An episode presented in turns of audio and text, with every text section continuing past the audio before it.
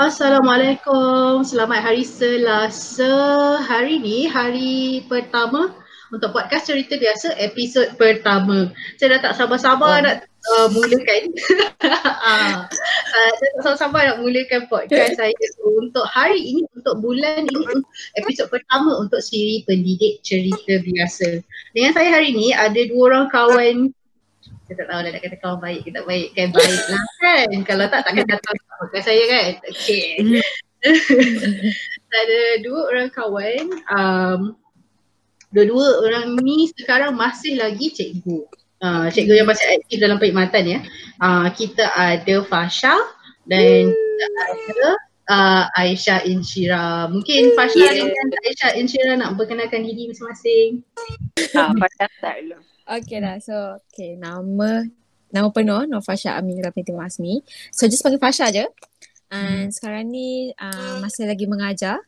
Uh, uh, mengajar di sebuah sekolah menengah dekat Gombak and sekarang ni mengajar subjek Bahasa Melayu, English. Oh, dua-dua uh, subjek bahasa Fasha sebab Ya, yeah, dua-dua subjek bahasa. You can call me teacher or boleh panggil saya cikgu lah. hmm, okay, konflik okay. sungguh tu. Hmm, tak tak apa. Okay. Okay, Aisyah. Ah, uh, okay, hai. Hai semua. Uh, so nama uh, Aisyah Inshira binti Muhammad Syahid. Uh, saya juga sedang masih mengajar di sebuah sekolah di Kuala Lumpur bahagian uh, kawasan Ceras dan uh, subjek yang saya ajar adalah bahasa Melayu. So saya uh, ajar menengah rendah yang tingkatan dua dan juga menengah atas iaitu tingkatan lima. Jadi saya ajar dua tingkatan yang berbeza. Hmm, okay, okay. Uh, terima kasih banyak-banyak Fasha, terima kasih banyak-banyak Aisyah kerana sudi meluangkan masa untuk jadi tetamu episod pertama cerita biasa. Uh, rasa bersyukur sangat. Juga, no problem. Rasa bersyukur sangat ada korang uh, jadi tetamu untuk uh, podcast uh, cerita biasa siri pendidik episod pertama ni. Okay, memandangkan ini episod pertama kan. Uh, kita akan bawa satu topik yang mm, betul. senang nak dikaitkan dengan semua orang. Yang semua orang mm. tengah bercakap pasal topik ni. Um, ya itu. Tak kisahlah cikgu ke, orang bukan cikgu ke, pelajar ke, ibu bapa ke kan. Mm. Topik ni ialah sekolah semasa pandemik. Okay. Oh. Negara kita memang belum bebas lagi daripada COVID-19 kan. Dan mm. dua hari baru-baru ni dan seminggu baru-baru ni uh, kes no, bilangan kes asyik naik je.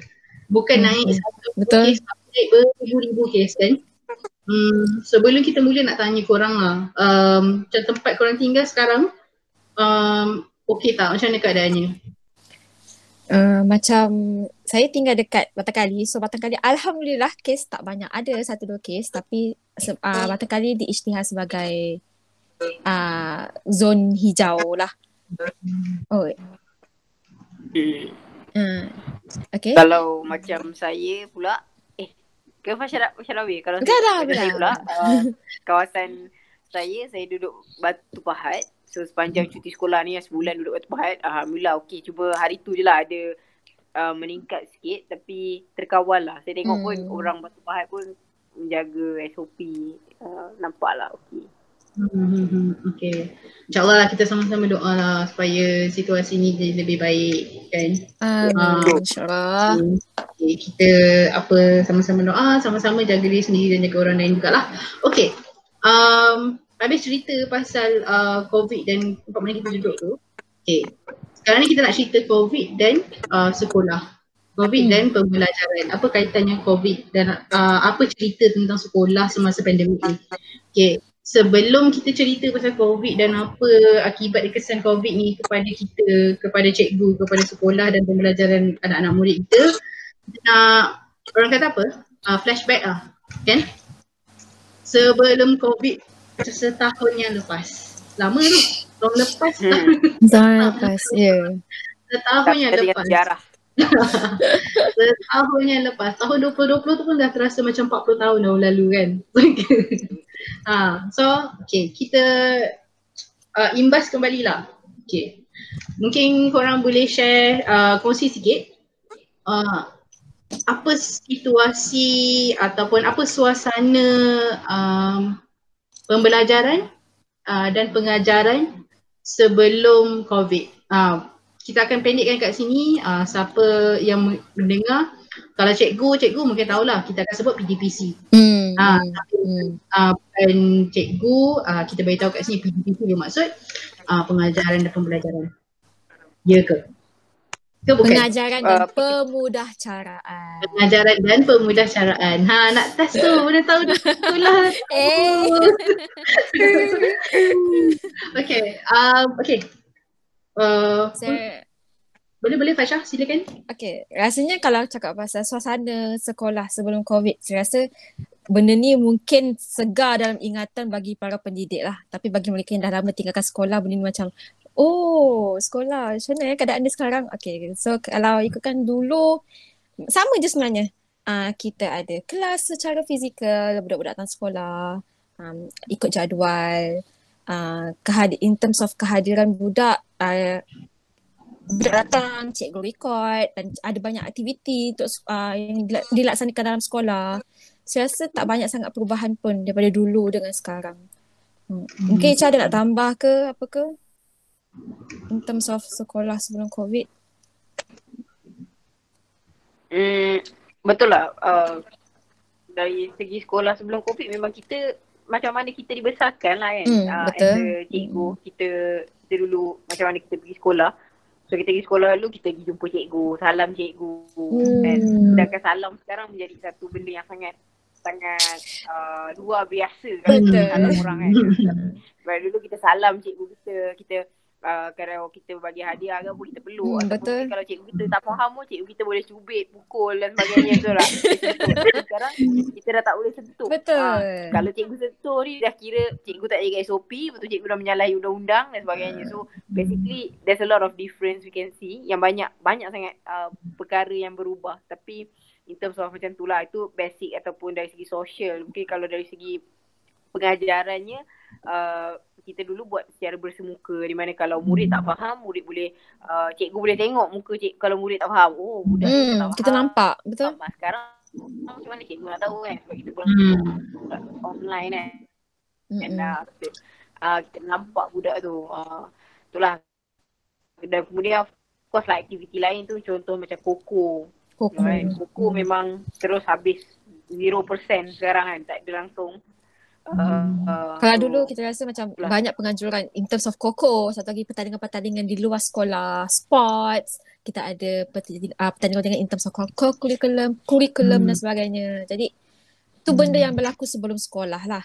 But Hmm. after COVID banyak sangat perubahan yang berlaku. Okay, sebelum kita cakap apa perubahan yang jadi selepas COVID dah, kata apa dia? Datanglah kan.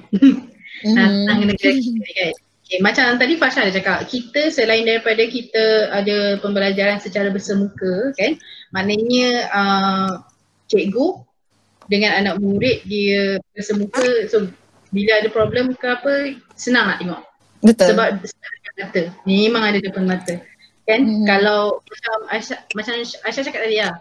Macam uh, bila student, uh, bila pelajar jumpa cikgu, uh, bukan saja bagi salam tapi salam kan. Hmm. Uh, uh, salam. Lepas tu kadang-kadang bila hujung-hujung tahun ke bila ada apa kita ada program ke apa ke kan hari guru ke bagi-bagi hadiah tu peluk-peluk tu biasalah kan. oh, biasa Ah, Lepas peluk. tu bila, ah, bila hujung-hujung tahun bila ah, apa majlis restu masa tu lah baru nak nangis kan benda macam tu.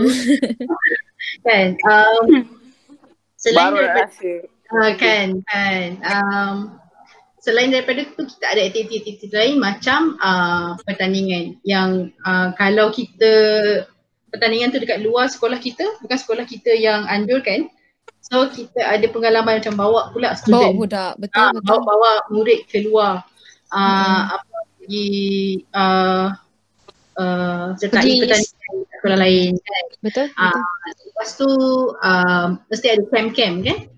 Ah, Ah, betul. Setahun akan ada camp, camp yeah. uniform, camp kepimpinan pengawas dan sebagainya dan even kadang-kadang macam core curriculum sendiri macam contohnya macam saya uh, BSMM kan so kita ada camp untuk BSMM camp untuk KRS polis ah, macam tu Betul betul. Uh, saya pun ingat lagi macam saya ada satu minggu tu uh, tahun dah tak boleh cakap tahun lepas lah kan dua tahun lepas. Satu minggu tu saya tak ada kat sekolah kenapa sebab bawa uh, apa pelajar hmm. cadet bomber. Uh, untuk Yeah. pergi um, perkemahan cadet bomber peringkat daerah. So satu daerah tu semua uh, ahli-ahli cadet bomber uh, berkemah sama-sama dekat satu tempat dan cikgu kena jadi macam-macam lah HJK yang cikgu terlibat je kan. betul Ah. Kita kita dapat tengok lah dunia luar lah macam tu. betul dan- betul Pelajar tu sendiri ada uh, interaksi bersemuka dengan kawan-kawan yang baru. betul Dengan suasana yang baru. Dia macam satu exposure lah untuk budak-budak semua ni. Hmm. Dia bukan saja apa tu orang kata apa uh, pengalaman masuk pertandingan tu sendiri tapi pengalaman yang lain beyond beyond apa yang kita rancang untuk budak tu. Jumpa kawan-kawan baru, pergi sekolah baru, sekolah yang ya start pergi sekolah yang sama. So ini pergi sekolah baru, tengok environment yang baru. So actually satu satu exposure, satu pendedahan yang positif untuk budak. Mm-mm. Ta- Tapi sebenarnya bukan sahaja murid tau, tapi guru juga kan. Mm-mm. Uh, guru juga dapat pengalaman baru membawa murid. Macam saya cikgu baru kan dan saya bawa murid. Pernah lah beberapa kali bawa murid kan dan sebenarnya pengalaman baru untuk saya lah. Uh, nampak murid tu kadang-kadang dia dah power dah. Dia dah selalu lah pergi pertandingan. Tapi cikgu dia yang jago lebih macam, ui bestnya, bestnya di sini. Oh, lepas tu cikgu dia jumpa cik kawan lain, cikgu daripada sekolah lain kan. Sebenarnya Hmm.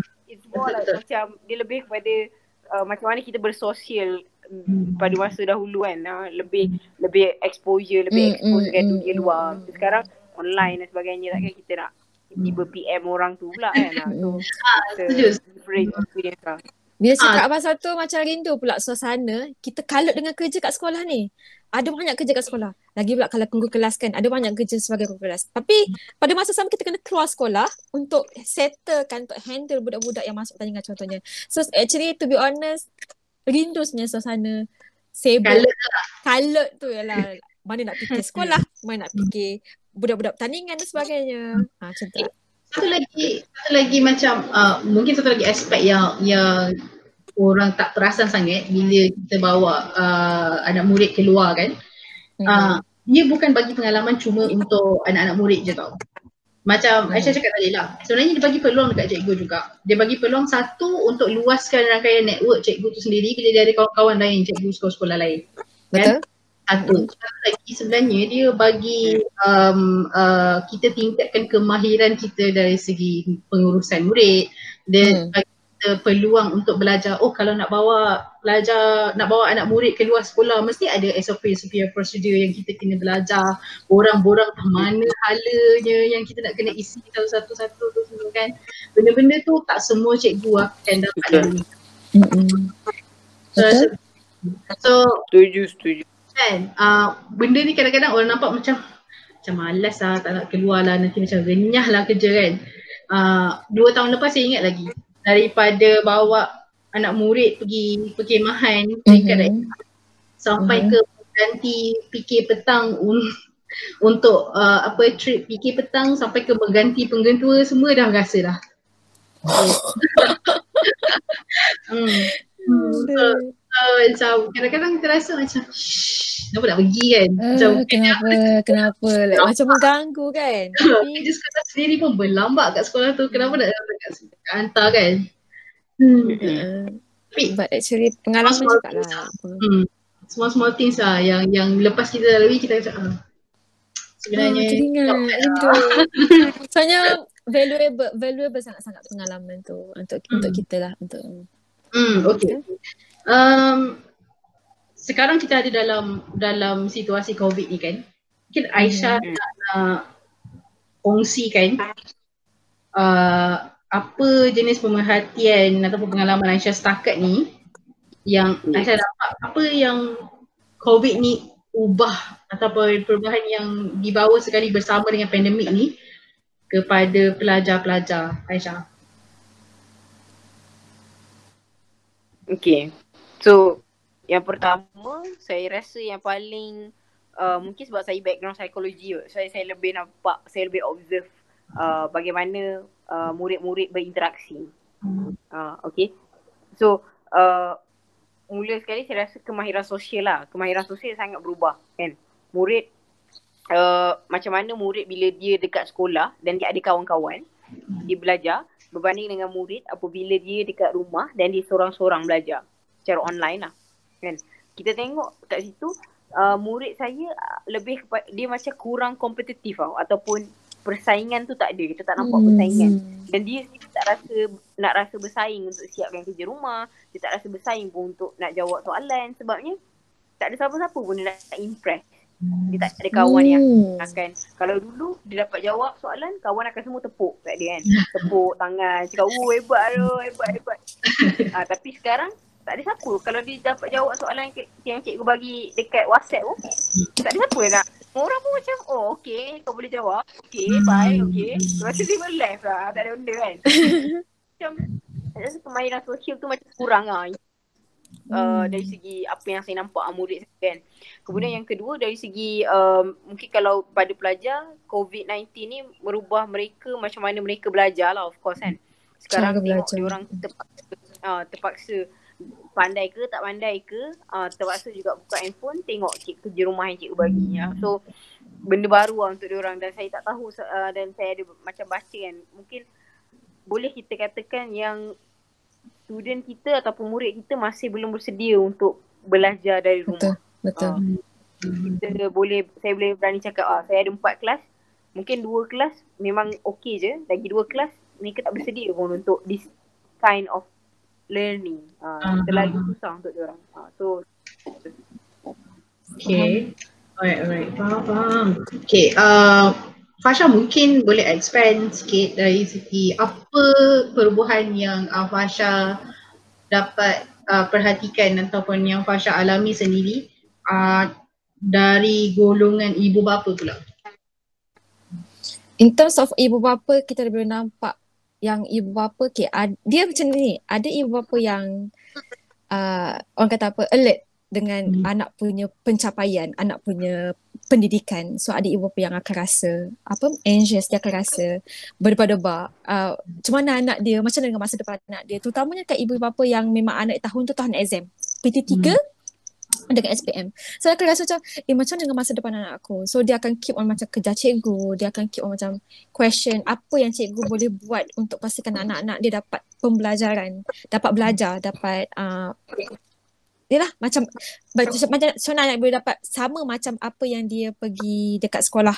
Okay. Dan ada juga hmm. ibu bapa yang kita boleh nampak yang hmm. um, I would say um, pandang ringan mungkin itu yang mungkin okey sikit nak cakap. Yang mana kita boleh nampak ni bapa yang eh, tak apalah nak aku tak belajar pun. Ah, sebenarnya ada ibu bapa macam tu sebab saya ada terima juga ada ada beberapa ibu bapa yang memberi respon. Ah tak apalah cikgu baru form 1. Tak apalah cikgu. Tu anak saya. Nanti papa saya uruskan. So hmm. uh, dan dan uh, impact COVID-19 ni juga sebenarnya memberi kesan kepada ekonomi ibu bapa. Okay, hmm. yang kita tak tahu saya rasa memberi ekonomi kepada ramai rakyat Malaysia. Dan hmm. secara tidak langsung hmm. juga memberi kesan kepada pandangan mereka terhadap pembelajaran anak. Contohnya, okay, contohnya, hmm. ada ibu bapa yang anggap ah, tak apalah pelajaran ni tak pernah tak payah fikir pasal pelajaran anak, pelajaran yeah. anak dulu. Kita fikir pasal macam mana cara nak cari duit dulu. Kadang-kadang hmm. dan ada pada seluruh anak-anak dia orang bekerja. Dan itu secara tak langsung, apa kesan hmm. COVID-19 ni memberi impact kepada ibu bapa, secara tak langsung memberi kesan kepada anak-anak punya pembelajaran juga. Dan saya boleh cakap yang ada anak-anak terkesan, ada anak-anak yang terkesan uh, dan terpaksa melibatkan diri dalam mencari kewangan untuk keluarga. Hmm. Uh, so satu-satu benda yang saya kita kita sendiri tak boleh nak macam saya sebagai cikgu kita tak boleh nak halang benda tu. Kita ada anak ada murid kita yang bekerja, ada ibu bapa yang suruh anak-anak dia bekerja, kita sebagai cikgu kita tak boleh nak halang benda tu sebab kita tahu mungkin ibu bapa mereka betul-betul memerlukan anak mereka. Hmm. Jadi uh, kita dari situ kita macam saya sendiri to be honest before this saya agak strict sikit hmm. but bila berlakunya pandemik ni kita dah start tone down kita cuba untuk faham ibu bapa kita cuba untuk faham budak-budak. Uh, sebab kita pun kena faham juga ibu bapa sebenarnya sebab mereka, kita tahu mereka terkesan dengan COVID-19 ni. Ramai ibu bapa yang terkesan. Hmm, betul Fasha, bila, bila kita cakap pasal COVID-19 ni, bila kita uh, kita ada transisi daripada pembelajaran bersemuka kepada pembelajaran dekat hmm. alam maya hmm. dalam talian hmm. kan. kita senang je kita boleh cakap kita belajar dalam talian. Tapi dalam talian tu nak kena ada gadget. Ya, yeah. gadget satu, internet Hmm, satu. Saya boleh cakap yang internet, masalah internet ni memang sangat, satu masalah yang sangat besar dan sangat common. Kalau tanya budak pun, tak tahulah budak ni betul ke tak, dia tak ada masalah internet kan. Kalau tanya budak pun, ah cikgu internet tak ada. Ah cikgu, phone mak saya guna. Ah cikgu, ah, tak ada phone lah macam tu. Ah, so itu ialah jawapan-jawapan common yang kita biasa guna. Kita sebagai cikgu, kita tak, tak pernah argue. Kenapa tak ada gadget? Kenapa tak ada internet? Kita tak boleh nak argue benda tu. Sebab kita kena faham daripada semua sudut. Kenapa dia orang tak ada gadget? Kenapa? Kenapa dan kenapa? Hmm, betul betul sebab ada ada beberapa macam cerita lah yang saya pun dengar sendiri uh, bila sekolah semua kita dah kita dah uh, orang kata apa transfer ke ke dalam talian kan uh, Mhm. jadi yang mana adik-beradik ramai terpaksa berkongsi gadget Mhm. berkongsi kadang-kadang kelas Ya. dia clash dengan kelas adik-beradik dia yang lain jadi sama ada Hmm. adik-beradik dia yang akan terlepas kelas ataupun dia yang terlepas kelas itu yang berkongsi dengan Betul, adik-beradik betul. tapi ada yang adik-beradik beramai pun orang semua adik-beradik ramai tu terpaksa berkongsi pula dengan mak bapak punya gadget Ah, Hmm, tapi betul. ada pula bila kita lepas MCO kita yang pertama tu kita ramai orang yang tak boleh uh, kita tak benarkan pergi kerja kan. Uh, tapi lepas bila MCO kedua bila kita ada uh, macam PKP kedua tu lepas macam bulan 10 macam tu semua bila start balik sekolah tutup balik kan. Um, Mhm. ada ada macam ada cikgu-cikgu yang cakap uh, gadget tu ada dengan mak bapak. So bila mak bapak pergi kerja tapi sekolah masa tu. Jadi anak Hmm, betul. akan Betul. terlepas kelas juga. Ada sekolah yang sampai buat kelas macam kelas tuition. Malam baru buat kelas. Bayangkan.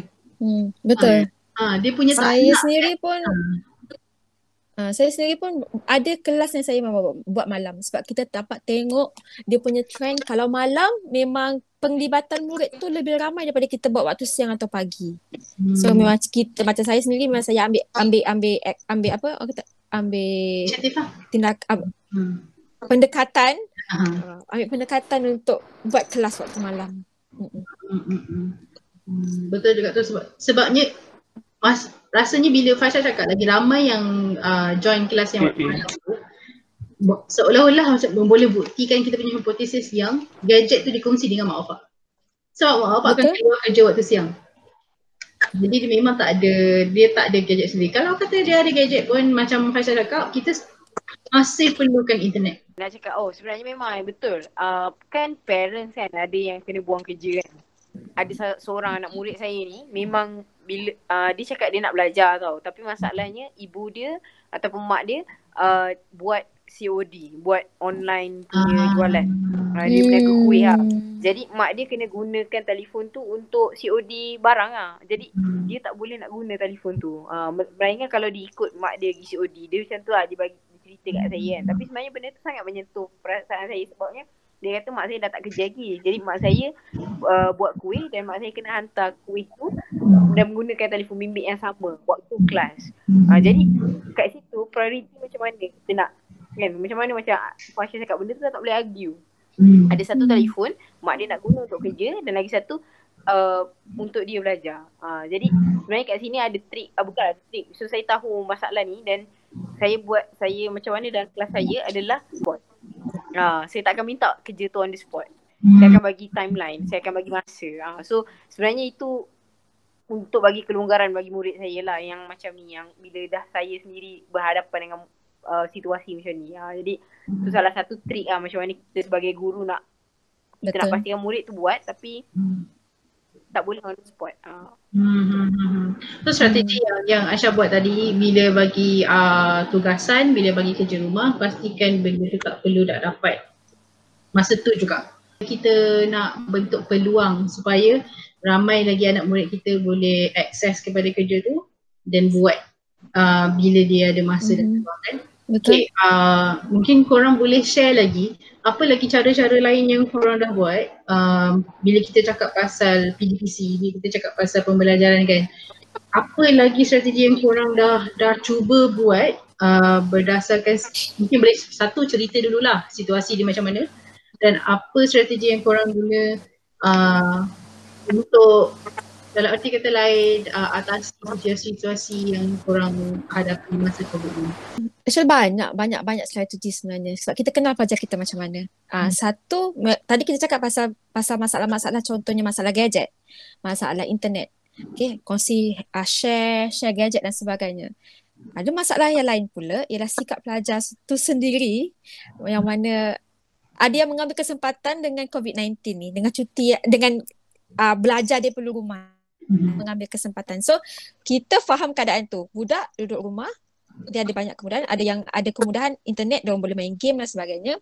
So mm kalau kita jadi budak lah, kita prefer mana? Of course kita prefer game kan daripada belajar kan. So uh, antara strategi antara strategi yang memang kita yang macam saya sendiri saya mengambil benda tu. Sebab saya tahu ramai pelajar saya yang ada akses ada akses internet, ada gadget but orang tak menggunakan kelebihan yang orang ada But diorang mau kepada game. So kita nampak lah diorang post PUBG diorang dalam dalam diorang punya Instagram, buat TikTok dan sebagainya. Benda tu benda kenyataan yang something kita nak deny. So kita cuba faham kenapa budak-budak ni mau kepada entertainment macam tu.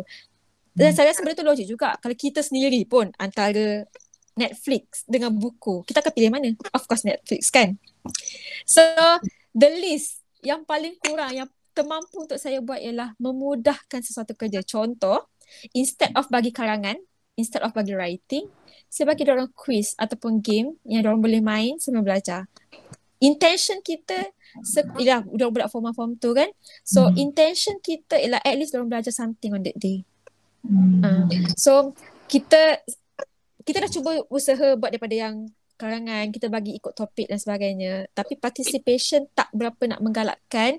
Hmm. berbanding dengan kita buat quiz atau quiz yang just ABC ABC ataupun kita buat game. Game game sambil belajar lah. So participation tu kita boleh nampak satu satu perbezaan yang sangat besar. Actually budak-budak ni boleh je nak belajar.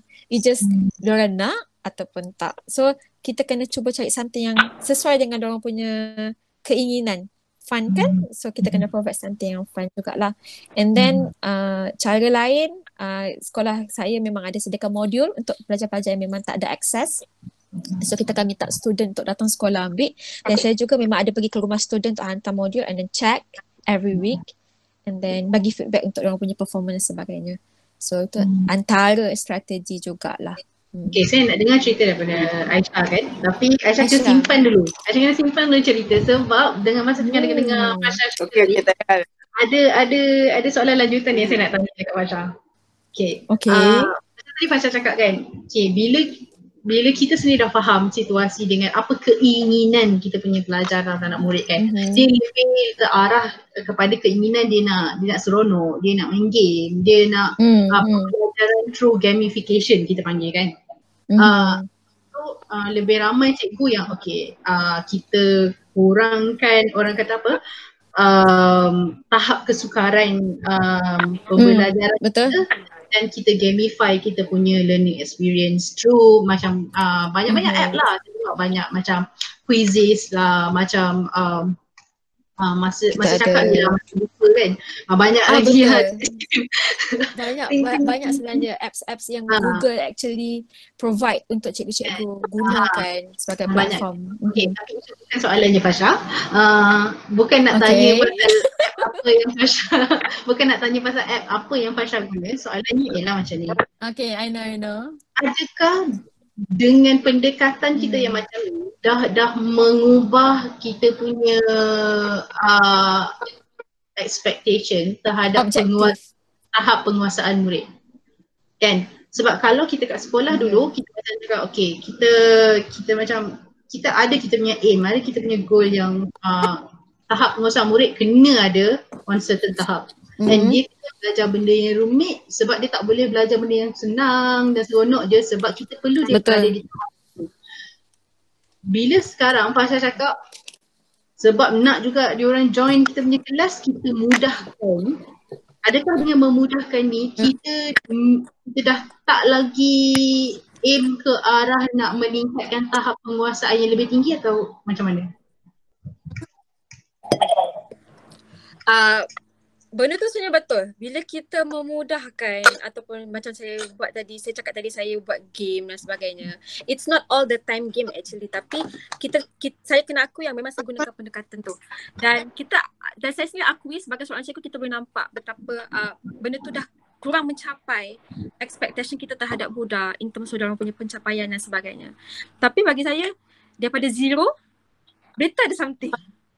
Sebab hmm. macam saya sendiri saya akan buat uh, at the end of uh, at the end of the lesson tu akan ada bukan lesson macam beberapa seminggu dua minggu sebelum kita habis sekolah tu akan ada small quiz untuk hmm. uji dalam punya pencapaian. So at benda tu sebenarnya trigger budak juga. Oh, uh, kena juga belajar ni sebenarnya. Tu bagi saya saya kena aku yang kita tak dapat nak mencapai 100% uh, expectation kita terhadap murid. Macam sebelum ni kita tahu, okay budak kita nak dapatkan markah sekian, sekian, sekian. Budak tidak tahu dia nak kuasai topik mana-mana. Tapi disebabkan kekangan-kekangan yang wujud, okay, kita terpaksa uh, lepaskan sesuatu dan at least kita ada dapat sesuatu, faham tak? Uh, macam, hmm. cakap, eh? macam saya cakap tadi, hmm. daripada zero, daripada orang tak dapat apa-apa, sebaiknya kita dapat sedikit daripada pelajar. Dan uh, game itu sebenarnya salah satu cara untuk kita pancing budak. Okay, kelas cikgu Fasha ni uh, best juga. So why not kita datang lepas ni? So lepas ni kita belajar lah. And then next, kelas seterusnya game. Dia tak adalah setiap hari game penat juga sebenarnya cikgu nak buat game setiap hari. penat. Dan satu lagi bila kita nak buat game, kita kena pastikan budak dah ada info. Hmm. So kita akan hmm. macam saya saya akan buat lesson and then okay so next week kita akan buat game dan sebagainya. Satu sebab bahasa Melayu, bahasa Inggeris diorang tak ada syllabus sangat. So kita tak tak terkejar-kejar sangat syllabus. So it's more to like uh, uh, method kita untuk improve dia punya bahasa, untuk improve dia punya language. Hmm. hmm. Itu okay. satu kelebihan yang ajar bahasa lah. Bertambah macam tambah. uh, okay, kalau dari segi macam soalan Atika tadi kan, sebenarnya soalan tu memang macam betul lah. Sebenarnya saya selalu tanya diri saya kat soalan tu. Sebab hmm. kita, kita ajar kita tak tahu is it fun learning? Fun learning ni sebenarnya membantu ke tak murid untuk grasp uh, semua semua uh, subjek kan ataupun syllabus kan. Tapi sebenarnya kita boleh buat uh, dari segi guru kan macam mana strategi dia apa yang kita boleh buat adalah kita buat macam pembezaan ataupun kita buat okay siapa yang boleh buat sampai quiz ni maksudnya dia sampai level ni. Okay cikgu ada extra soalan Okay, cikgu ada soalan kebat cikgu nak bagi. Tapi siapa yang betul-betul boleh jawab, dia memang betul bijak. Ah, memang kita akan tengok budak akan start, start akan malas untuk jawab. Oh, sebabnya tiba-tiba soalan kebat pula. Tadi nak main hmm. game. Oh, hmm. nak main game masuk kelas bukan nak masuk jawab soalan. Ah, few student. Tapi kita as a, macam sebenarnya ini sama juga dengan kalau kita buat dalam uh, PDPC biasa kan dalam PDPC bersemuka kita akan buat pembezaan pembezaan tu uh, kalau uh, tu namanya differentiation. Uh, so kita lepas kita dah buat ni kita go another level kita tengok hmm. dalam hmm. another level tu siapa yang nak capai. Of course not uh, takkan 100% nak capai nak jawab soalan kibat tu tapi sebagai cikgu kita uh, kita kena macam saya ada dengar kita kena jadi orang yang uh, kita kena jadi cikgu yang uh, kita kalau kita bagi soalan senang sangat, budak yang pandai dia akan rasa macam bosan. Eh, ha, macam tu wow. So, kita ah ha, kita akan kita merendahkan kebolehan mereka. Jadi kita kena provide juga soalan yang susah so that dia boleh dapat. Ha, so sebenarnya point saya adalah sebagai cikgu kita cuba untuk buat quiz dan lagi satu next kita buat satu lagi level yang lagi susah sikit. Ha, macam tu lah. Dia secara tak langsung sebenarnya challenge budak juga. Ada budak yang tak suka dicabar. Kadang-kadang budak-budak yang Ya yeah, betul. Malas ni uh, kita, kalau kita cabar kita trick dia tak isap pun kita trigger ha. dia akan rasa tercabar dan secara tak langsung dia akan put effort juga uh. dan budak uh, uh, my students lah orang kalah dan cair dengan pujian. Oh pandainya dah. Eh, hebatnya bijaknya. Cair lah orang seorang akan uh, itu kelas, kan kelas kita senang nak buat? But hmm. uh, bila keadaan macam ni satu yang saya nampak bila kita puji orang secara public, I mean dalam group kelas contohnya kita puji orang public. Wow, dah ada Florence siap. Congratulations everyone. I'm so proud of you. And then I lalu macam, ah, jat teacher, jat teacher. Lagi sikit je nak siap ni. Ah, so itu sebenarnya secara tak tiga budak lah. Budak Aha. dengan pujian. Ah. Okay, uh, sebab macam kadang-kadang mungkin orang yang ada di sisi orang yang tak tak ber, orang yang tak buat PDPC tu kan orang yang bukan cikgu mungkin dia tak nampak sangat tau sisi-sisi ni. So sebab tu lah saya tanya soalan tu tadi kan. Sebab bukan cikgu je yang sebenarnya uh, orang kata apa invested uh, untuk pendidikan, untuk ilmu pengetahuan anak apa anak bangsa kita untuk masa depan kan. Jadi kadang-kadang orang mesti bertanya benda-benda ni out of concern lah kan. Betul? Uh, so macam tu sebab tu lah soalan saya tadi keluar kan. Betul betul. Actually benda tu pun actually kita sendiri cikgu pun kita question benda tu. Ya Allah aku buat ni sebenarnya tak tak seperti apa kita rancang dan tak mencapai kita benda tu tak boleh mencapai kemampuan murid satu seratus peratus sebenarnya. Tapi macam saya cakap kita tahu nak, itu mungkin salah satu cara untuk kita uh, invite students to join our Ha, itu invite itu. student tu satu lah Aisyah kan. Saya tertarik dengan apa yang Aisyah kongsi tadi yang sebenarnya uh, apa yang kita buat melalui game tadi atau permainan tadi sama je dengan apa yang kita buat melalui kita punya uh, sesi bersemuka. Kita still ada pembezaan uh, strategi pembezaan ataupun differentiation uh, yang yang apa dia punya tingkat-tingkat uh, kesukaran tu still ada bila fikir-fikir balik, kalau kita main game biasa pun mesti level kan. Level kosong sampai satu, dua, tiga. Betul tak? Dan setiap level tu tahap kesukaran dia semakin complicated kan. Dan uh, macam okay. macam betul lah macam Aisyah cakap. Mesti kita ada betul. game pun dia mesti ada dia mesti ada uh, expectation dia macam okay kau, hmm. kalau level kosong sampai seratus lah katakan orang rata-rata akan boleh habiskan kosong sampai dua puluh pasal ada berapa peratus dia akan pergi 20 sampai 40 kan hmm. dan hmm. akhir sekali siapa yang akan dapat kalahkan final boss tu adalah dalam berapa 2% kita expect ada 2% and this is like macam betul punya yang yang yang gigih yang yang betul-betul berkemahiran so rasanya hmm. so, itu membuatkan uh, saya punya perspektif atau pandangan saya sendiri dah berubah kepada uh, gamification in learning tau. Hmm. Uh, kalau orang cakap macam tu juga kan. Uh, hmm. Apa macam Fasha cakap tadi kan uh, berkenaan uh, apa yang kita ajar ni kadang-kadang memang tak akan capai uh, kita punya objektif pembelajaran sebagainya kan.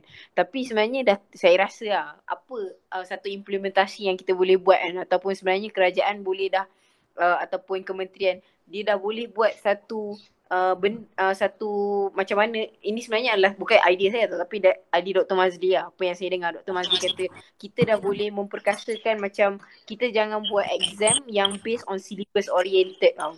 Hmm. Uh, sebabnya sekarang kita dah cikgu menghadapi masalah yang kita tengah bincang sekarang iaitu macam mana kita nak put syllabus inside dia bila kita mengajar online susah. Tapi sebenarnya dah tiba masanya untuk kita jangan buat exam yang exam oriented. Kita cuba uh, apa yang Dr. Mazir cadangkan adalah kita cuba buat sistem iaitu macam carry mark system. Okay, hmm. kalau budak buat jawab uh, soalan quiz kat tu sebenarnya itu adalah salah satu carry mark system lah macam kita buat yeah. dekat universiti kan. Universiti ada banget usul, kan. Uh, kita kita kita buat suruh dia okay apa kata hari ni semua orang tolong mak dia. Lepas tu ambil gambar bagi kat cikgu. So itu adalah satu carry mark system untuk diorang. Uh, kita dah tak boleh nak ajar syllabus hari ini silibus menolong emak. Ajar, ajar, ajar, ajar, ajar. So is, benda tu dah tak boleh. Sekarang susah. Jadi kita hmm. cubalah, cuba. Bukan, maksudnya bukan untuk semua subjek. Kita cuba untuk buat carry mark system ni dalam satu uh, satu uh, macam mana satu environment yang baru lah untuk murid supaya murid tahu oh aku tak payah uh, tak adalah kena pandai syllabus so that aku boleh perform final exam nanti. Tapi kalau hmm. ini sebenarnya carry mark system aku. Uh, carry mark aku untuk exam nanti. Uh. So macam mungkin mungkin ini satu benda yang boleh implementasi kalau 4-5 tahun lagi kita masih dalam uh, fasa PDPR ni. Uh, itulah yang saya rasa. Okay, menarik juga idea Dr. Mazli tu uh, Aisyah. Lagipun saya pun dah lama dah fikir macam ni. Kita ada even uh, masa sebelum COVID pun kan, sebenarnya dah banyak dah perbincangan, dah banyak dah diskusi macam antara cikgu-cikgu tentang kenapa kita dekat Malaysia ni kita tak ada ruang dan peluang untuk cikgu-cikgu uh, ada autonomi sendiri dalam menetapkan apa benda yang dia nak ajar dalam menetapkan uh, kurikulum ataupun silibus apa macam yelah memanglah silibus tu uh, kita ada apa uh, BPK kan Betul. uh, untuk macam bagi tahu okay ini silibus yang perlu uh, uh, supaya kita boleh kata okay bila keluar daripada sekolah nanti anak-anak murid kita dah sedia untuk masuk melangkah ke Kan. alam universiti kan uh, tapi sebenarnya macam Aisyah cakap lah bukan semua uh, subjek perlu begitu Betul. masa masa saya ada masa saya pernah sertai satu round table STEM tak silap saya dalam tahun 2018 kot. Mhm. Uh, ada dekat situ uh, cikgu-cikgu sekolah rendah, sekolah menengah, BPK, uh, wakil BPK, lepas tu ada juga uh, apa um, lecturer-lecturer uh, pensyarah daripada universiti. Bila kita tengok, bila pensyarah daripada universiti tu cakap macam uh, banyak sangat sebenarnya yang sekolah menengah cover yang bila uh, pelajar masuk universiti dia dah jadi malas sebab benda tu dia dah belajar. Hmm. Benda tu dah jadi Benar. macam benda tu dah jadi macam du- dua kali dan dah tak, tak perlu sebenarnya. Ataupun dia dia nak cakap sekolah menengah tak ambil banyak pun tak apa sebab nanti bila dia masuk universiti dengan apa yang dia minat tu dia akan pick up sendiri. Okay? Secara tak langsung macam bagi tahu kita yang kita punya uh, kurikulum ataupun kita punya silibus terkini ni sebenarnya terlalu padat. Uh, dan terlalu London. Terlalu. Hmm, hmm, Kalau kita hmm, tengok kalau ke, ke macam uh, saya ada ada kita tengok juga kan buku teks budak syllabus form 1 matematik macam mana sains bagi saya it's too heavy for them actually especially kalau macam uh, subjek-subjek macam matematik lah uh, ada yang um, ada yang saya saya rasa kita belajar form 4 dia orang belajar form 1 yalah memang dia belajar basic but bagi saya macam kita tengok kita sendiri tengok budak macam mana kita tahu kemampuan budak. Kalau budak sekolah SBP, sekolah MRSN so tak ada masalah. So saya tahu orang benda tu kacang je untuk orang. Kalau kalau susah sekalipun orang boleh untuk grab, grab benda tu. But budak sekolah uh, harian terutamanya budak-budak yang memang orang kata apa agak lemah dalam mata pelajaran. Okay. So kita kena akui bahawa ada budak yang memang bagus dalam mata pelajaran, ada budak yang lemah. So bagi budak-budak yang lemah ni dia agak sukar, agak susah untuk faham satu-satu topik. Sebab bagi orang level tu dah bu- actually bu- belum lagi level orang. Ha, tapi itulah. Hmm. Bila cakap pasal carry mark system juga kan, uh, apa yang Dr. Mazli cakap tu, maknanya kita cuma ambil mana yang perlu dan ni bu- buka peluang juga untuk pelajar sebenarnya menentukan dia nak fokus atau nak bagi usaha lebih dekat mana. Macam kita dulu lah kan, masa kita kat Hmm. universiti kan, mesti ada sesetengah subjek yang kita tak suka, ada sesetengah uh, kursus tu yang kita suka kan. So macam saya dulu, uh, macam saya tak pasti um, Fasha dengan Aisyah macam mana, macam saya dulu pun ada macam tu juga. So ada yang macam Okay tak apa, fokus dekat uh, exam je betul-betul. Lepas tu uh, carry mark sikit-sikit, cincin-cintai je. Ada yang macam okay Memanglah tak boleh score gila lah ni final exam memang tak boleh score lah. So carry marks tu kalau boleh markah penuh sampai ke research Sampai ke PhD punya level dia punya research uh, Penuh-penuh-penuh akan markah carry marks ni. So secara tak langsung bagi bagi kata apa? Uh, bagi empowerment kan dekat dekat student untuk menentukan cara dia belajar juga. Kalau uh, untuk budak form 1, form 2, form 3 ag- saya rasa macam agak heavy sebab ada antara orang yang masih lagi tak tahu hala tuju, masih lagi tak tahu apa orang nak. So macam kalau if orang if they have to decide what they want to learn, saya rasa macam budak-budak akan simply simply ambil je, simply decide. Hmm. Berbanding Kau dengan budak ah, juga. berbanding dengan budak-budak yang apa form, budak-budak form 4, form 5, diorang dah tahu dah, okay, diorang dah, dah, diorang dah nampak dah apa perjalanan diorang lepas habis sekolah contohnya. Apa yang diorang nak dalam hidup diorang. Uh, so, saya rasa mungkin kita boleh di, uh, bezakan antara menengah rendah dengan menengah atas. Sebab kalau menengah rendah saya rasa kalau kita gunakan sistem yang sama, it's too heavy for them juga sebenarnya untuk decide and too Hmm. early for them to decide. Hmm. Saya ada pendapat yang lain pasal ni tapi saya nak bagi Aisyah cakap dulu sebelum saya bagi tahu pendapat saya. Okay, Aisyah? Uh, saya rasa macam uh, betul lah macam uh, Atika cakap uh, autonomi untuk menentukan. So saya rasa macam kurang autonomi untuk Hmm. cikgu sendiri tentukan apa assessment yang dia nak assess untuk pelajar tu. Apa yang akan dia ukur, apa yang dia nak tengok daripada pelajar tu.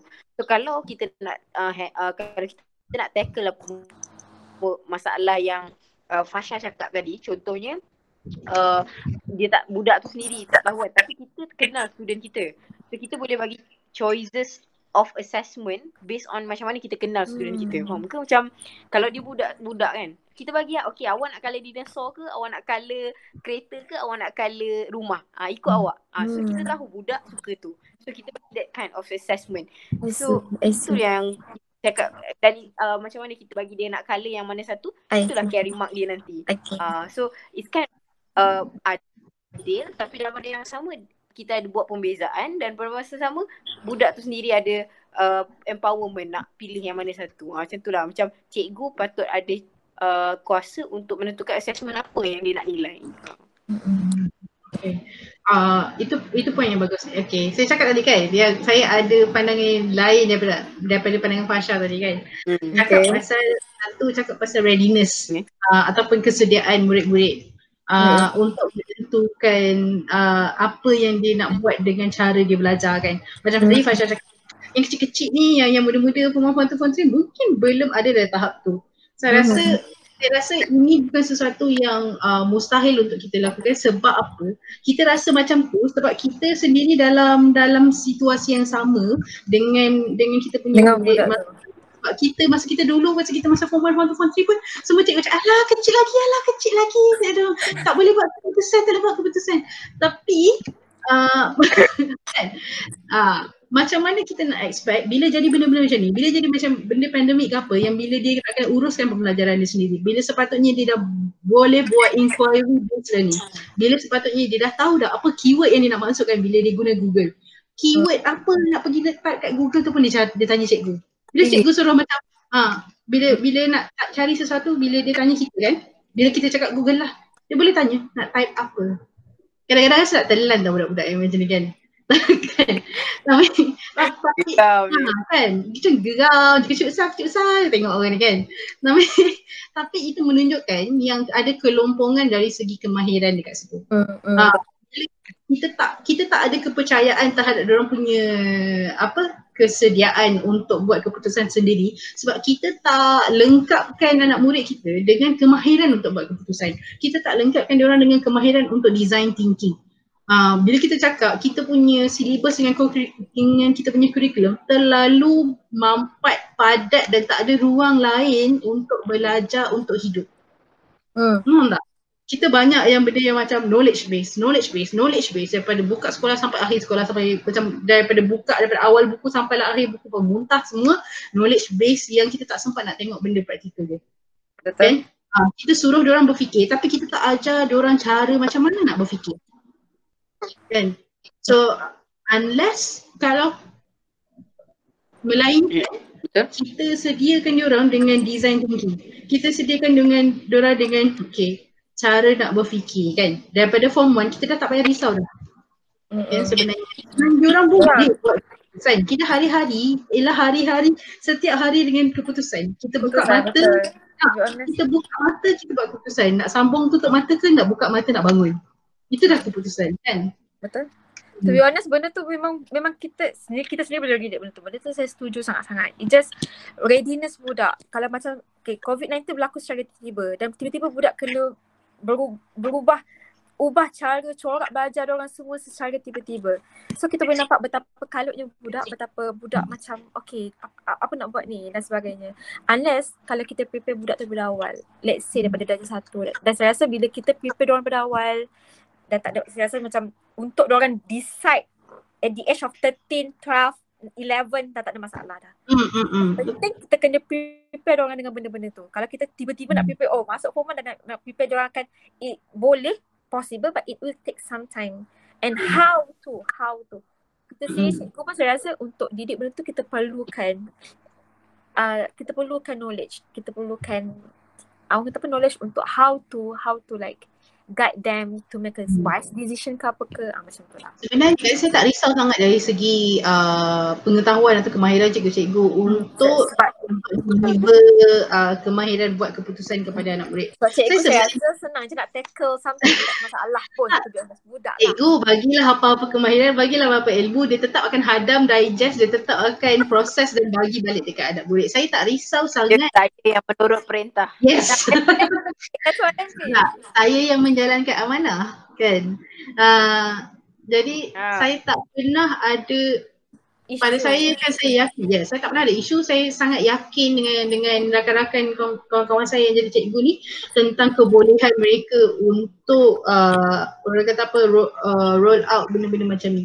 Cumanya kan ada satu lagi aspek yang mungkin kita nak kena tengok juga di sebalik kita punya keredoan atau kepasrahan untuk buat program-program macam ni ataupun deliver content yang macam uh, decision making macam design thinking ni ialah kita mm-hmm. punya kita punya hati sebagai cikgu ni sebenarnya nak lepaskan ke tak kita cakap je kita ajar orang design thinking lah kita ajar orang decision making lah tapi lepas kita ha- lepas kita ajar tu kita terus kepada ah ni keputusan cikgu korang ikut je. Nah, itu itu benda tu boleh berlaku. Saya hmm. kita boleh foresee benda tu, benda tu boleh berlaku juga.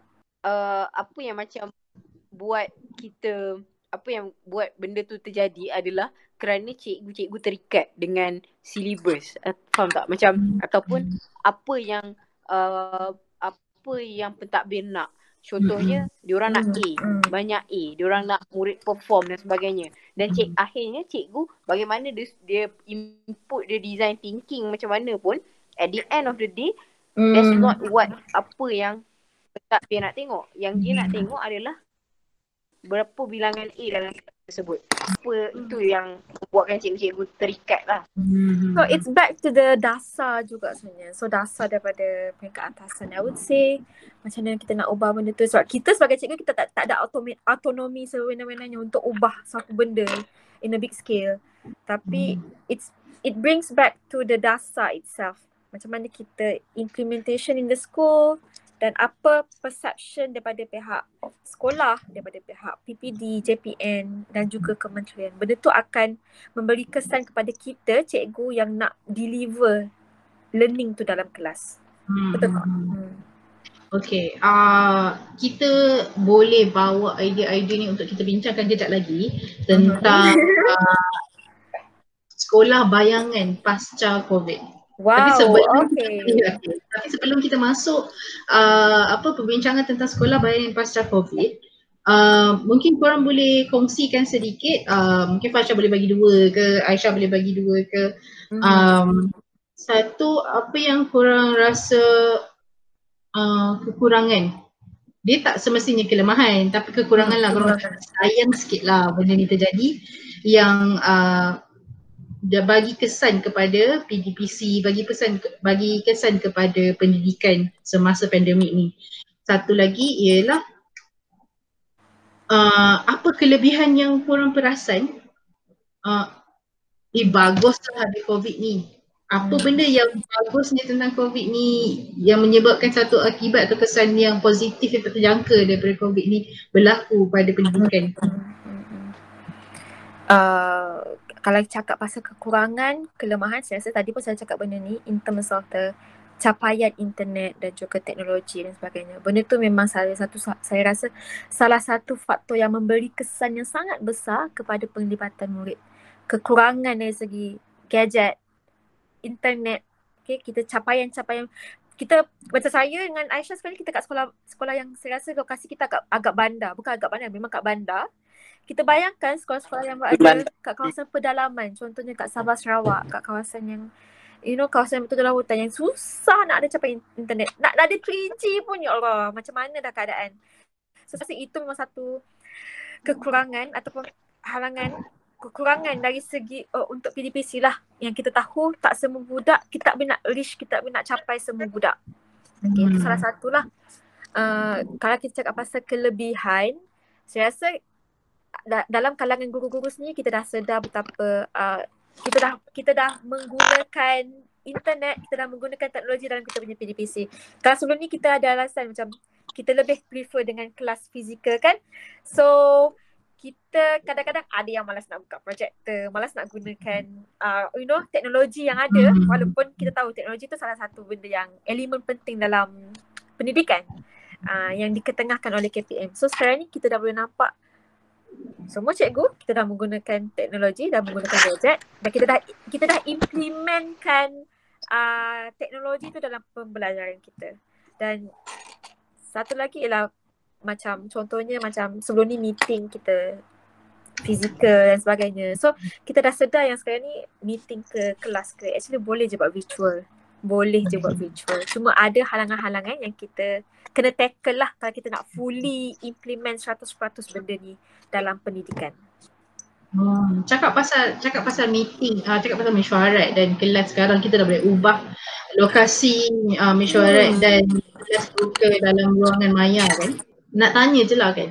Kalau dulu kadang-kadang hmm. cikgu kita paksa uh, tinggalkan kelas dia hmm. untuk hadir mesyuarat. Tahu-tahu je lah kalau kita jadi AJK apa-apa ke kan. Kalau hmm. program bersama. Hmm. Hmm pagi tu uh, nak bila nak bila nak jumpa mesti ada je kalau tak pagi orang pe, pagi ataupun orang petang lah yang akan terpaksa korbankan kelas dia sebenarnya dia tak nak tinggalkan kelas dia tapi sebab dia mesyuarat hmm. pergi jadi dia macam mesti ada salah satu yang dia terpaksa tinggalkan dan biasanya situasi yang biasa ialah dia memang akan tinggalkan kelas untuk pergi mesyuarat yang tak tahu pukul berapa habis hmm. kan uh, so nak tanyalah macam situasi sekarang sebab kita dah ubah uh, kita dah ubah lokasi uh, daripada fizikal kepada virtual uh, situasi ni dah bertambah baik tak? Ada tak pencanggahan dari segi masa kelas dengan masa mesyuarat sekarang ataupun sekarang sebenarnya uh, pentadbir dan orang-orang lain dah pandai dah, dah tahu dah sebenarnya nak susun supaya tak bercanggah dengan kelas? Uh, setakat ni saya rasa macam uh, isu-isu pecahan sebab saya rasa burden burden yang kita nak kena tinggalkan kelas tu dah tak ada sangat.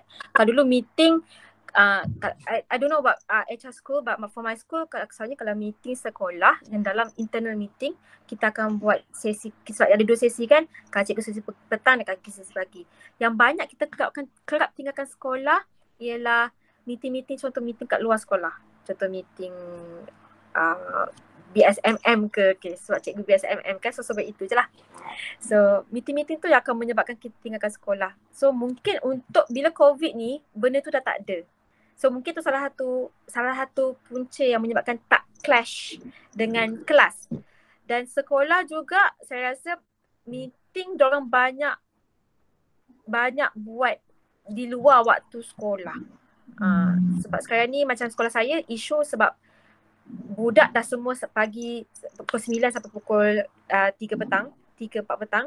So sekolah akan banyak buat hari weekend ataupun pagi tu. Ada juga sekolah, ada juga meeting-meeting yang clash tapi tak sekerap kita dekat sekolah dulu. Hmm, sebab kita bila meeting bila meeting online ni masa yang diambil pun kejap je sebenarnya.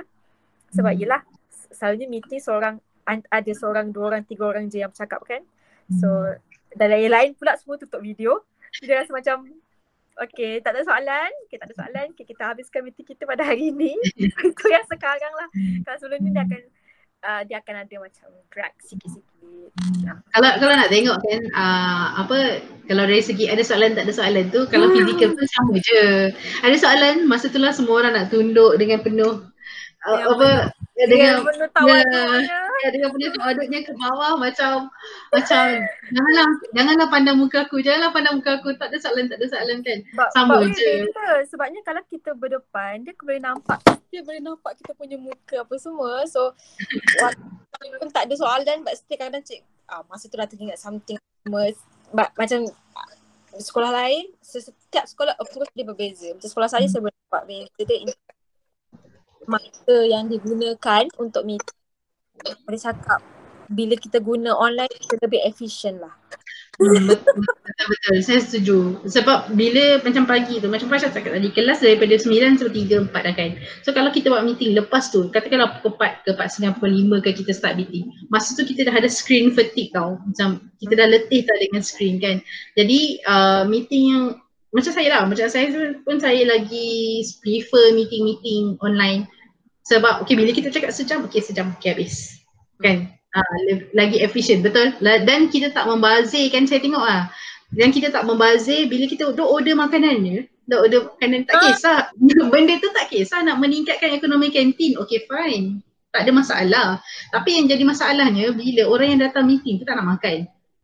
Kan? Hmm. Ha, bila berapa kegak je yang makan kan? Lepas tu yang makan pun ambil sikit-sikit. Macam nak tak nak tapi kita pergi order satu dulang macam tu. Lepas tu mesti tak habis. Confirm lah mesti tak habisnya kan. So so ada lagi benda-benda yang saya tengok ada ada uh, ada manfaatnya COVID ni sebab ada banyak pembaziran yang kita sebelum ni bukan kata pembaziran makanan je, pembaziran masa semua tu kan yang kita kita nampak oh kita dah tak buat kan? Uh-uh. Okay.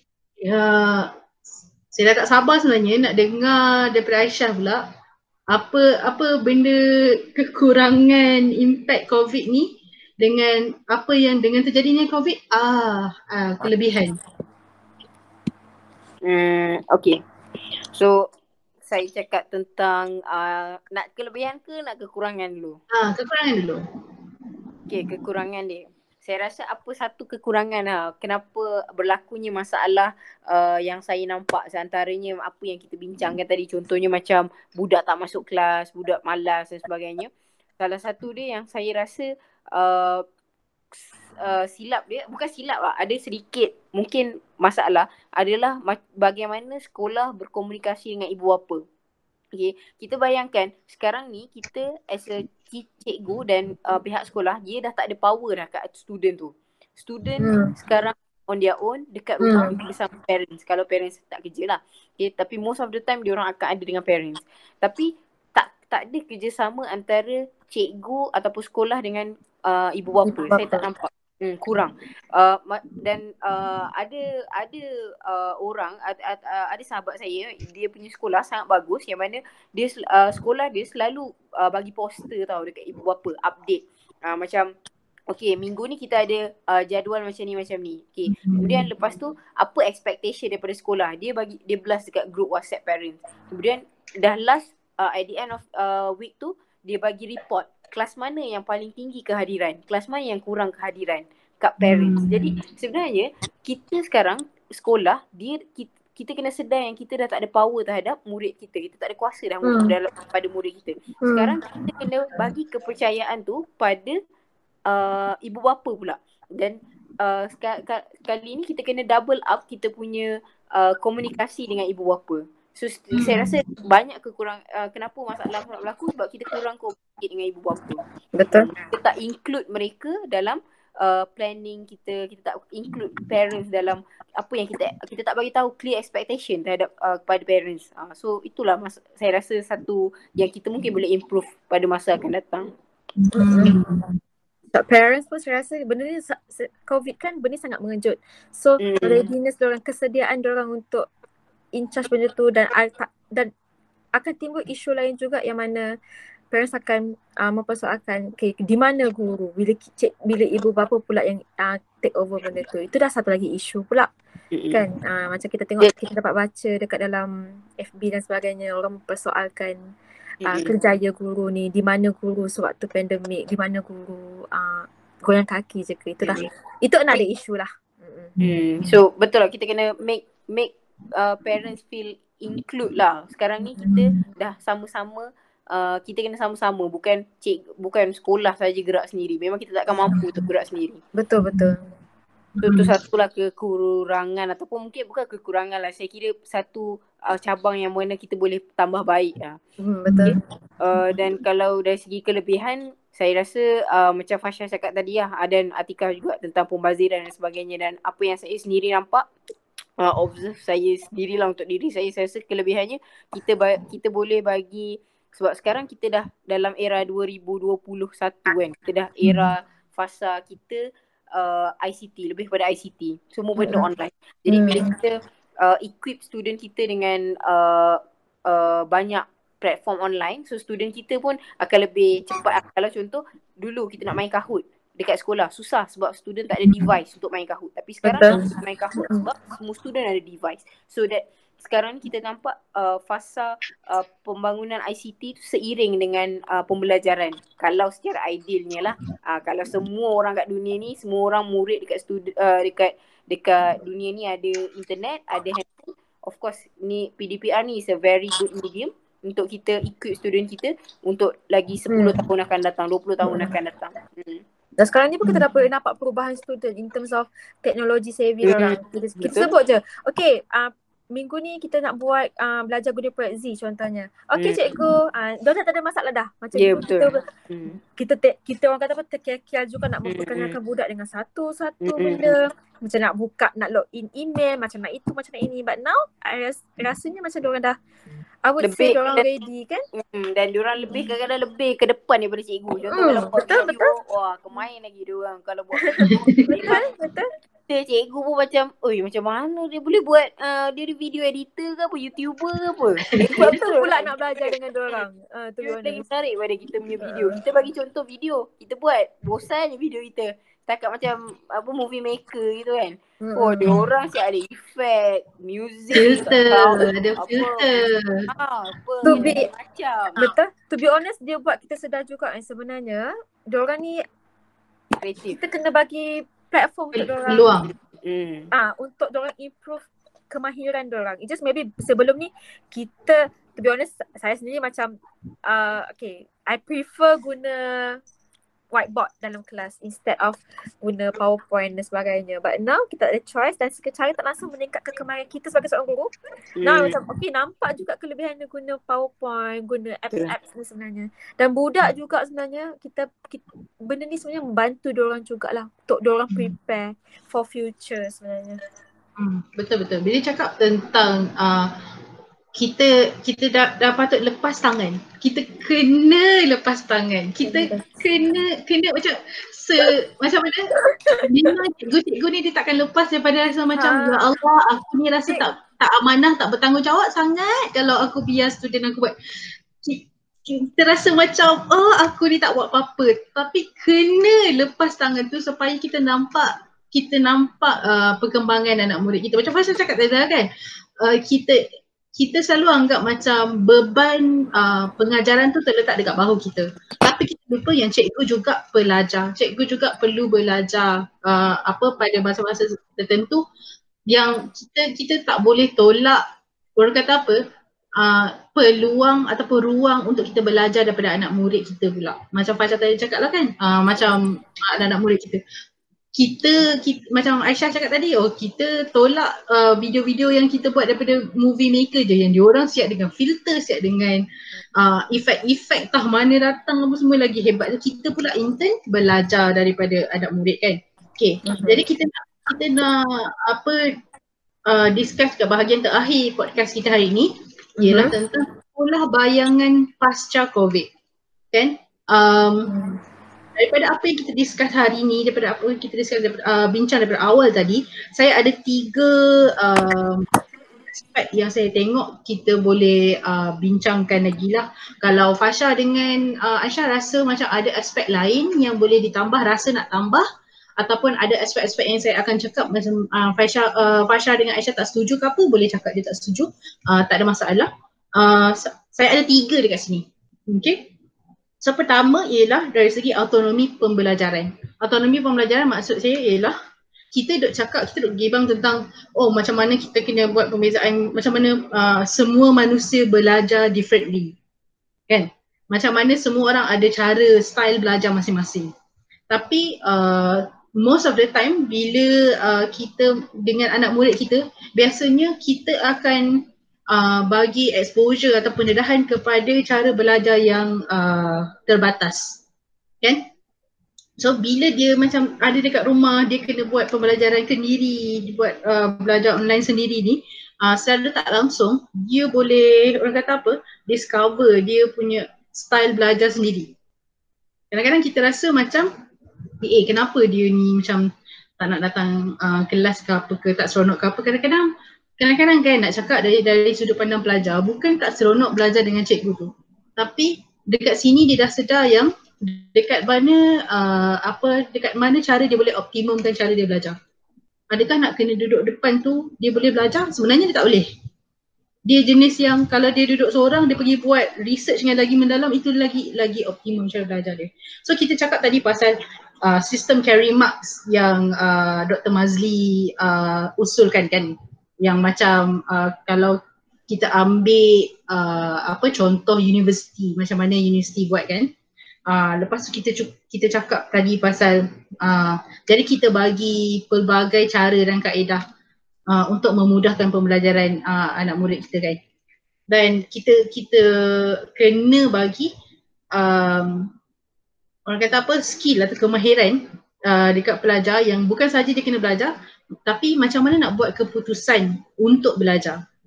Macam nanti cakap lah decision making, uh, design thinking tu kan. So dia boleh decide sendiri macam mana cara terbaik untuk dia belajar dan dia teruskan belajar dengan cara tu.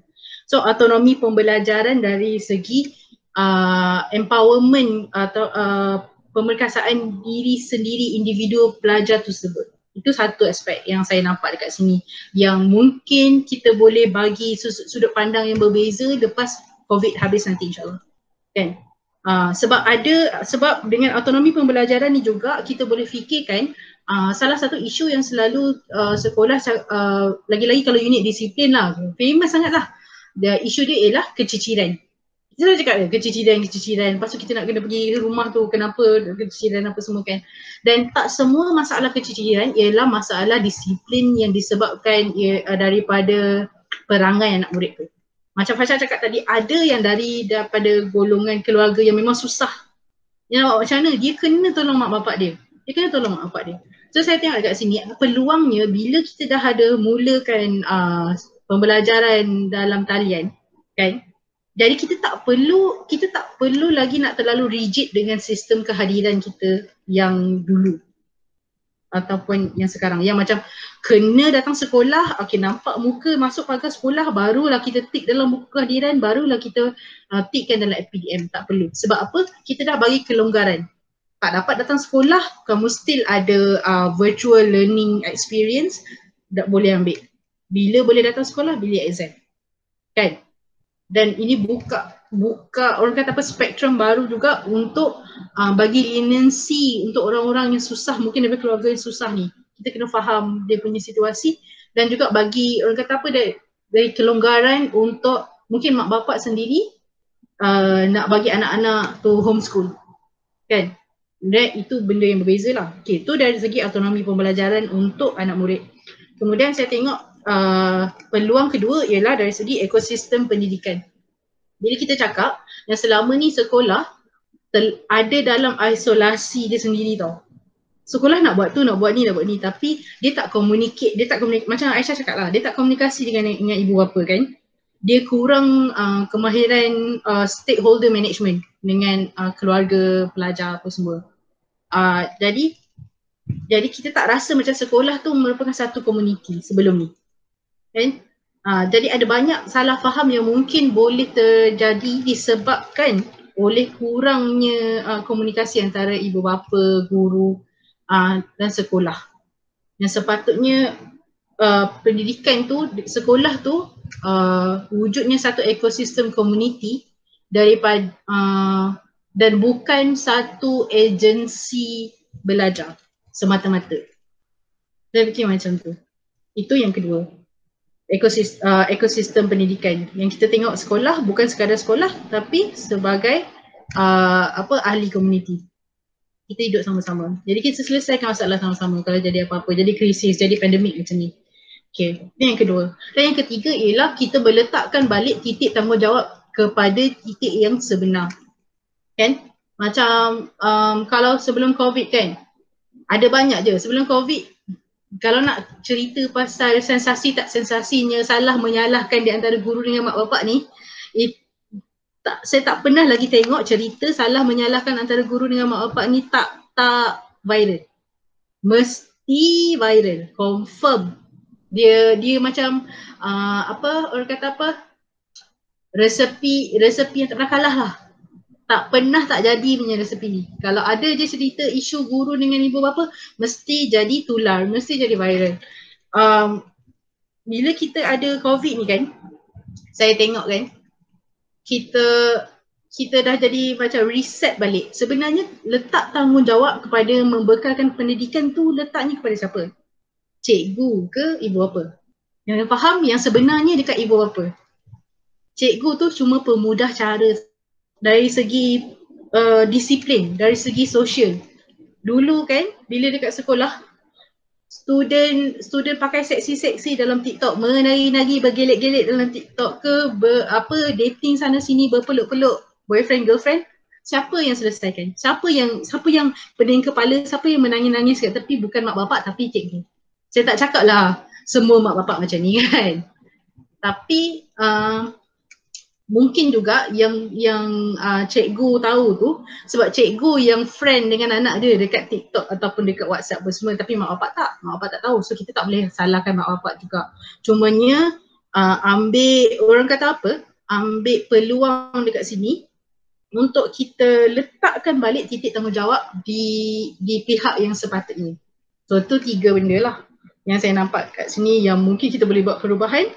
Uh, kita, kalau kita ingat dan kita betul-betul nak buat perubahan lepas covid ni tak ada insyaAllah. So satu dari segi autonomi pembelajaran kepada pembelajar, dua ekosistem pendidikan yang sekolah tu sebenarnya adalah ahli komuniti jadi semua orang kena berkomunikasi uh, uh, dalam masyarakat. Dan ketiga ialah uh, letakkan balik titik tanggungjawab kepada pemilik tanggungjawab yang asal. Okay, mungkin Fasha dengan Aisyah ada uh, pandangan yang berbeza ataupun nak expand lagi daripada apa yang saya cakap uh, atau, ataupun nak nak tambah point lain ke? Betul lah apa yang Atika cakap point-point tiga tu tapi memang sebenarnya benda ni takkan boleh selesai. Dia dia bukan satu dia bukanlah satu masalah yang perlukan penyelesaian yang uh, ad hoc tau sebab it's a process, it's a learning process. Even uh, saya tak uh, kita tak boleh nak salahkan pihak apa mana-mana pihak pun. Sebabnya semua orang ini adalah satu keadaan yang baru untuk kementerian untuk uh, JPN, PPD, guru dan murid. Jadi uh, benda ni bukan satu benda yang okey kalau kita bincang macam mana satu malam ni pun dia tak akan menyelesaikan pun masalah because habis pun.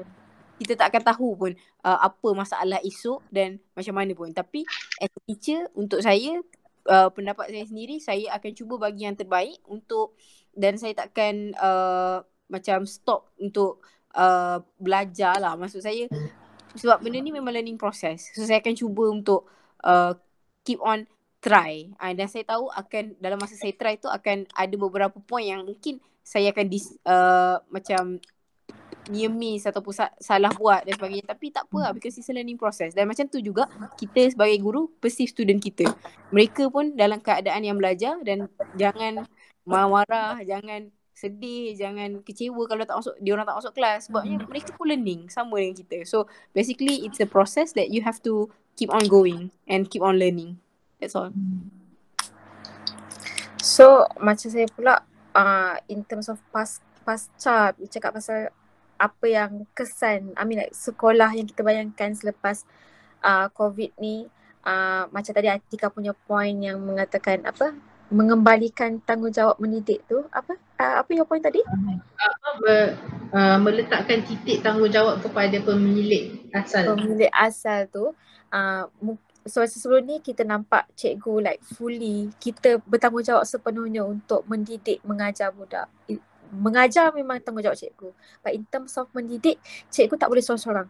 Bagi saya macam mengajar, okay, kita memang di, kita memang eh, kita ialah pegawai yang diberi tanggungjawab untuk mengajar budak in terms of the syllabus, in terms of benda-benda macam ni lah. But in terms of mendidik, okay, so tu dua benda yang berbeza. Untuk mendidik, cikgu tak boleh seorang-seorang. Dan cikgu takkan mampu nak buat benda ni seorang-seorang. So kita, uh, so saya rasa COVID ni membuka mata uh, banyak pihak terutamanya bapa yang mana untuk mendidik anak-anak ni bukan mudah untuk mendidik uh, macam cakap mendidik ni bukan hanya cikgu sahaja hmm. tapi cikgu perlukan ibu bapa ibu bapa juga perlukan cikgu dan kita kena sama-sama lepas ni uh, untuk pastikan yang uh, pembelajaran anak-anak ni apa yang kita nak anak-anak kita apa yang kita nak anak-anak kita ni capai dalam pembelajaran tu tercapai lah uh, dan dan lepas ni diharapkan orang kata apa lepas COVID ni banyak benda-benda baru muncul contohnya macam in terms of teknologi, ICT. Benda-benda tu muncul dan saya rasa benda-benda tu ha-, harapnya akan berkekalan dan uh, dia akan improve lah seiring dengan kemajuan teknologi yang kita yang kita yang yang evolving dalam dunia kita sekarang ni. Ha, macam tu. Hmm. Okay, uh, terima kasih Pasha, terima kasih Aisyah. Um, saya rasa uh, satu lagi benda lain yang penting juga untuk diberi perhatian ialah uh, bagus kita dapat kemahiran kita tingkatkan kemahiran dan pengetahuan dalam teknologi-teknologi baru. Betul, betul. Uh, satu lagi perkara yang penting ialah kita ada semua kesedaran ni masa COVID berlaku. betul. Uh, jadi lepas COVID jangan pula macam kita tiba-tiba tutup mata seolah-olah COVID tak pernah berlaku apa semua kesedaran-kesedaran yang kita macam oh sebenarnya semua pihak patut memainkan peranan oh sepatutnya kita sama-sama mengatasi ni tiba-tiba bila habis COVID semua benda jadi uh, kembali ke titik asal kita semua lupa Betul. Betul. Uh, kan uh. Harap jadi harap Ha, harapnya kesedaran yang sama kita tak akan pernah lupa kita akan belajar dan cuba uh, orang kata apa? Tambah baik dari dari semasa ke semasa which is not uh, orang kata tak, tak mustahil kan? Okay. Uh, dah, dah banyak dah rasanya kita kita bincang malam ni. Uh, Fasha Aisyah Alhamdulillah hmm. banyak sangat uh, input yang yang saya dapat daripada Fasha dan Aisyah malam ni. Uh, rasa macam mm, nak kata rasa macam down memory lane pun dah tak macam down memory lane sangat sebab pasal covid juga kan. Uh, dan dan banyak uh, banyak juga uh, apa saya punya tanggapan-tanggapan awal yang yang apa uh, diberikan uh, nafas baru ataupun diberikan tanggapan baru berdasarkan input Fasha dengan Aisyah tadi. Um, mungkin uh, satu dua kata akhir dari segi Fasha dari Fasha dengan Aisyah uh, tak kisahlah untuk diri sendiri ke untuk kawan-kawan cikgu yang lain ke mungkin kata-kata semangat ataupun ingatan uh, supaya kita sama-sama dapat melalui fasa ini uh, dengan uh, hati yang terbuka uh, macam mana? Okay, pulang lah Okay, first kali kita faham yang COVID-19 ni bagi banyak sangat impact dekat parents, dekat students, dekat cikgu, dekat rakyat Malaysia terutamanya. Uh, first, uh, saya nampak COVID-19 ni memberi banyak perubahan-perubahan yang positif. Uh, dan juga, to be honest, saya sepanjang COVID-19 ni kita tahu banyak sangat cabaran-cabaran yang rakyat Malaysia hadapi but still uh, kita boleh nampak ada ibu bapa, ada pelajar yang masih lagi memberi usaha yang mem, yang berusaha untuk teruskan momentum pembelajaran tu.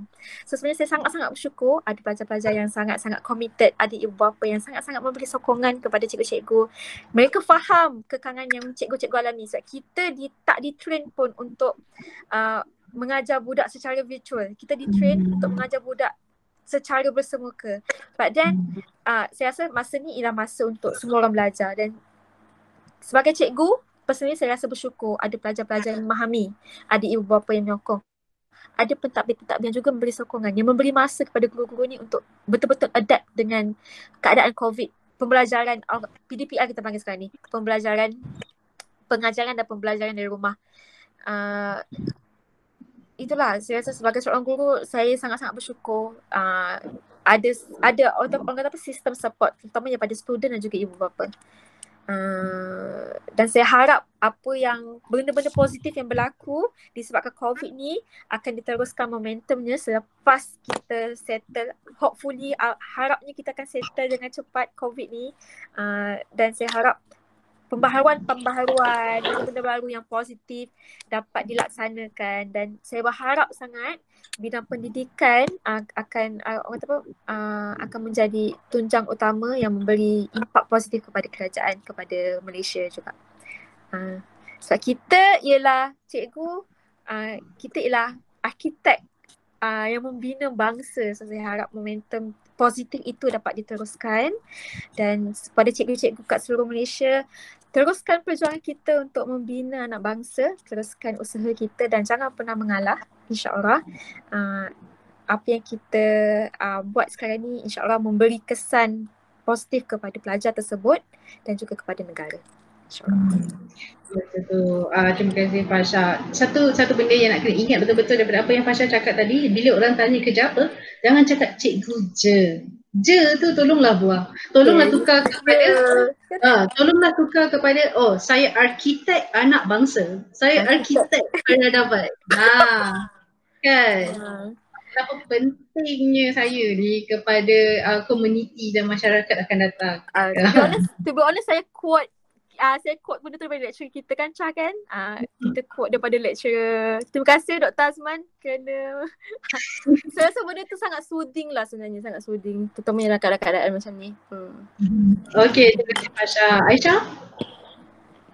Hmm, um, tak adalah saya rasa uh, sebag- untuk rakan-rakan guru guru kalau ada rakan guru yang sedang mendengar uh, macam Fasha cakap lah teruskan perjuangan uh, sebabnya uh, dalam 30 orang murid dalam kelas tu wal- mungkin tak semua tapi ada Hmm. sebahagian yang betul-betul berharap pada kita dan Betul. uh, macam mana susah pun uh, era ini dan kita kena ingat yang ada mungkin dua atau tiga murid yang sentiasa uh, mengharap uh, ilmu daripada kita dan jangan kita um, berputus asa lah. Keep on striving for the best insyaAllah. Tu je kot. Okay, terima kasih Aisyah. Uh, terima kasih banyak-banyak sekali lagi um, Nafasha Amira dan uh, Aisyah Insyira Muhammad Syahir di atas masa yang diluangkan untuk sama-sama uh, kita uh, berdiskusi, sembang, bincang di di podcast cerita biasa ni. Um, sampai di sini saja uh, episod pertama, episod sulung bagi podcast cerita biasa. Kita akan bertemu lagi dalam episod seterusnya. Episod kedua, dua minggu akan datang pada hari yang sama. Uh, InsyaAllah hari yang sama dengan tajuk Tajuk minggu uh, dua minggu yang akan datang ialah Cikgu dan Jodoh. Kat ini saja. Terima kasih sekali lagi. Assalamualaikum warahmatullahi taala wabarakatuh.